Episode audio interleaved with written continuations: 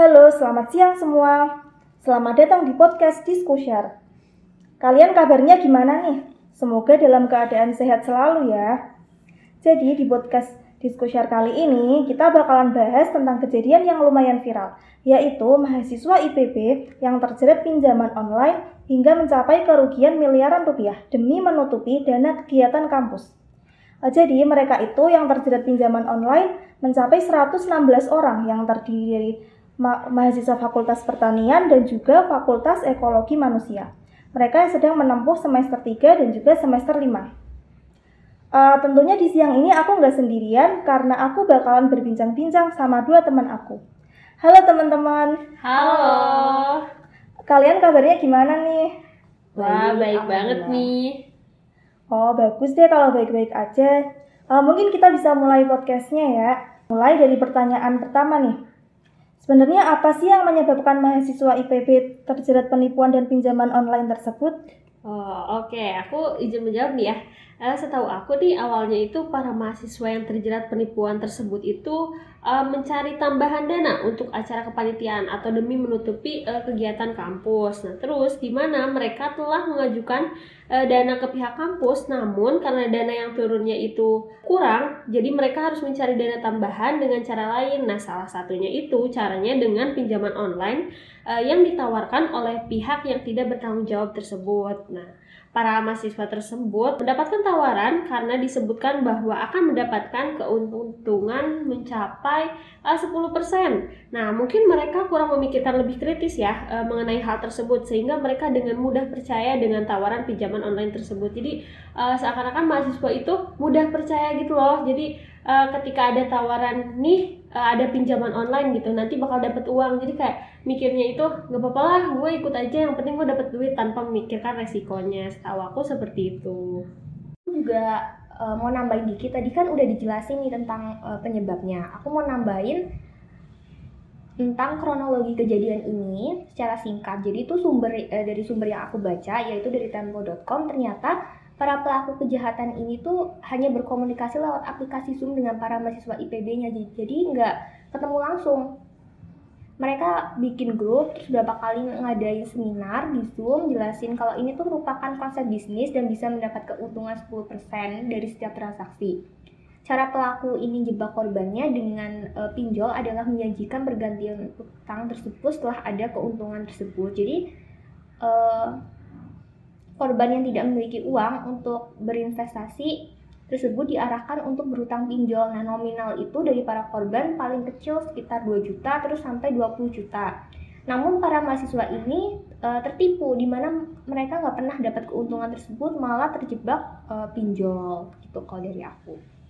Oke, jadi e, salah satu penyebabnya tuh karena ini ya mereka udah ngajuin dana ke kampus tapi yang turun tuh cuman sedikit dan iya, kurang gitu jadi ya. Jadi mereka malah cari cara lain dan malah kejebak di situ. Iya betul banget. Jadi penyebab awal utamanya itu uh, mereka mengadakan kegiatan kampus, terus mereka mengajukan dana kan ke pihak kampus, tapi ternyata yang turun itu kurang sehingga mereka harus mencari cara untuk uh, mendapatkan uang tersebut se apa namanya sehingga uang itu tuh bisa menutupi dana kegiatan kampusnya seperti itu. Nah, yang mana malah dengan cara itu malah tambah merugikan para mahasiswa ini ya?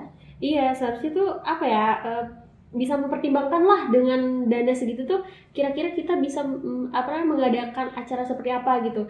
Biar nggak uh, terlalu membebankan juga apalagi kita mahasiswa rantau nih ya uh, yang pastinya uangnya itu dikasihnya itu sebulan sekali nih uang bulanan gitu. Terus tiba-tiba kita kayak ada usdaan nih di kampus kita juga kan ada usdaan ya kayak usda makanan bahkan sampai air mineral tuh iya, terus baju-baju kayak gitu. Itu tuh menurut aku agak memberatkan mahasiswa karena kalau misalkan nantinya nggak habis dan uh, kalau misalkan nggak laku pasti itu tuh yang harus beli dan yang harus nombok itu mahasiswa sendiri gitu. Jadi kan karena kita uangnya dikasihnya per bulan dari orang tua terus kan itu termasuk ke pengeluaran yang tidak terduga ya. Hmm. jadi kayak kita udah ngatur keuangan segimana caranya eh tiba-tiba ada pengeluaran yang tidak terduga sehingga tiba-tiba uangnya habis dan gak nyampe akhir bulan. Nah itu yang menyebabkan mahasiswa itu mudah tergoda dengan penawaran ketika ada peminjaman online gitu. Iya.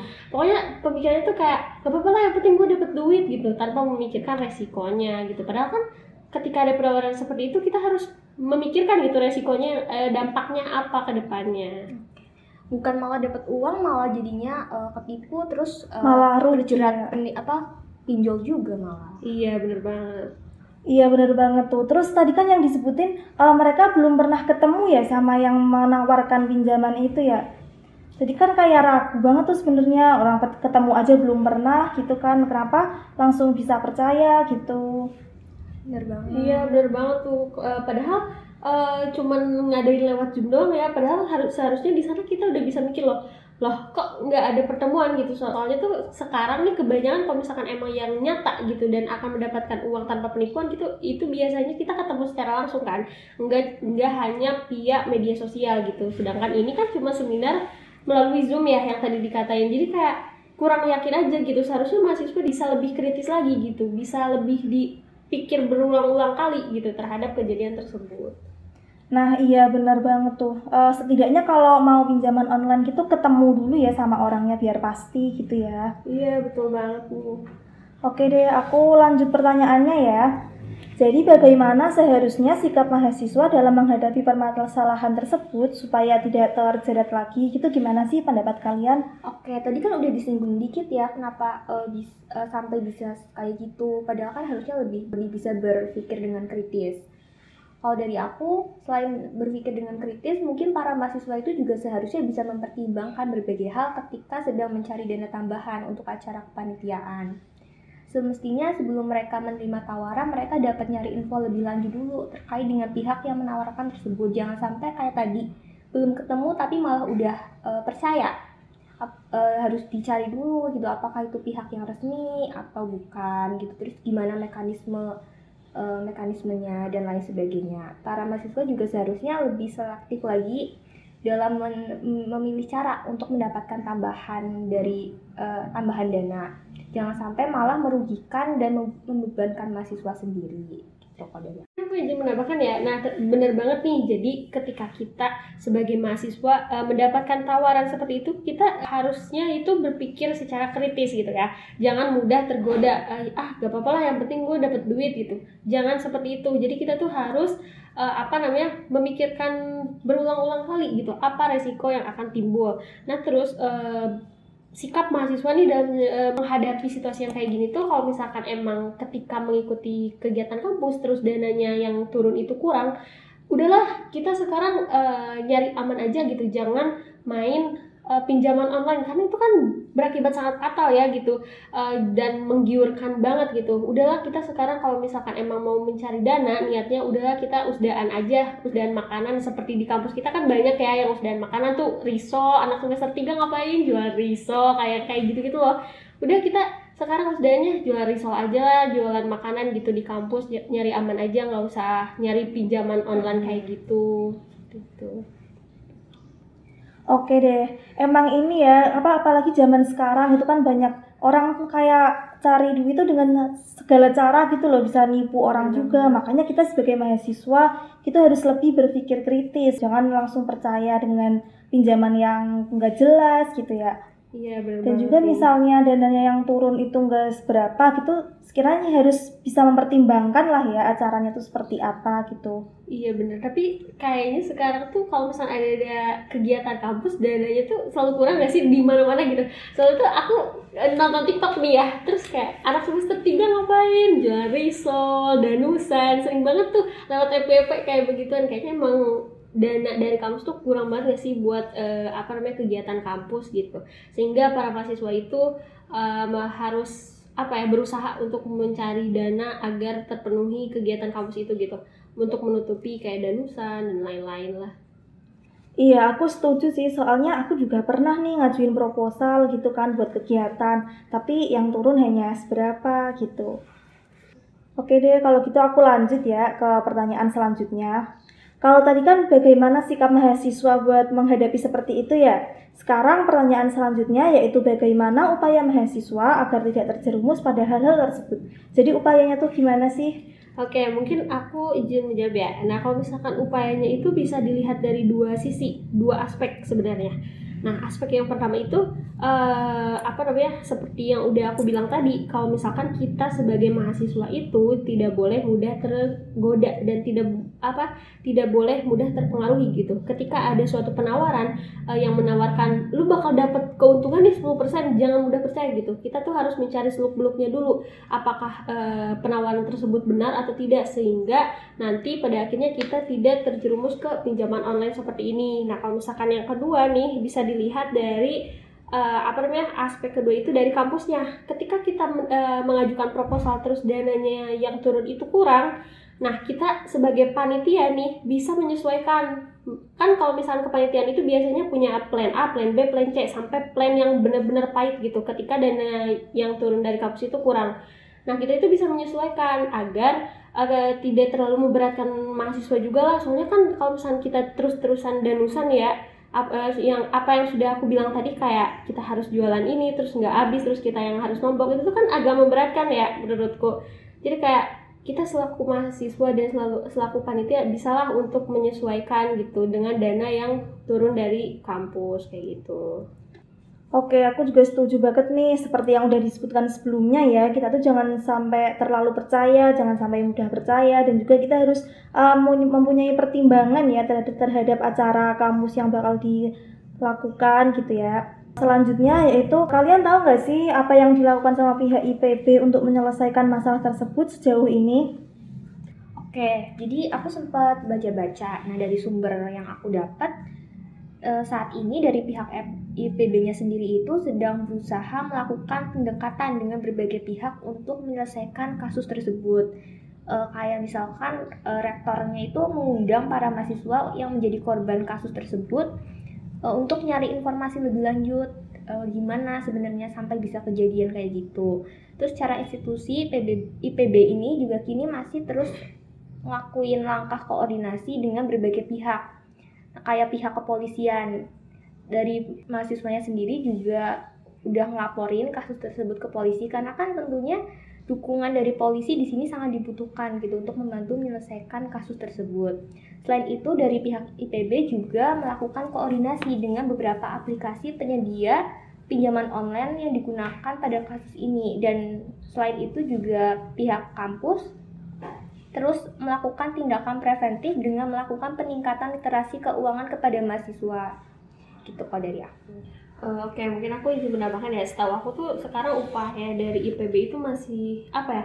Mencari tahu gak sih kejadian mm -hmm. itu sebenarnya tuh kayak apa? Terus uh, pokoknya menelusuri lah uh, terkait peminjaman online itu. Tetapi dari IPB-nya sendiri ini uh, setahu aku kasusnya ini belum selesai ya. Belum selesai secara clear gitu. Belum menemukan uh, jalan keluar untuk kasus ini. Tapi upaya dari IPB sendiri itu sedang mencari sebenarnya. Sebenarnya itu yang terjadi itu apa gitu Oh iya, jadi sejauh ini tuh IPB sudah melakukan langkah-langkah untuk mengatasinya ya. Ya kita doakan saja semoga uh, pelakunya cepat ketemu dan juga mahasiswa itu uh, setidaknya ada ganti rugi lah dari pihak yang berwenang gitu ya. Iya benar banget tuh, amin.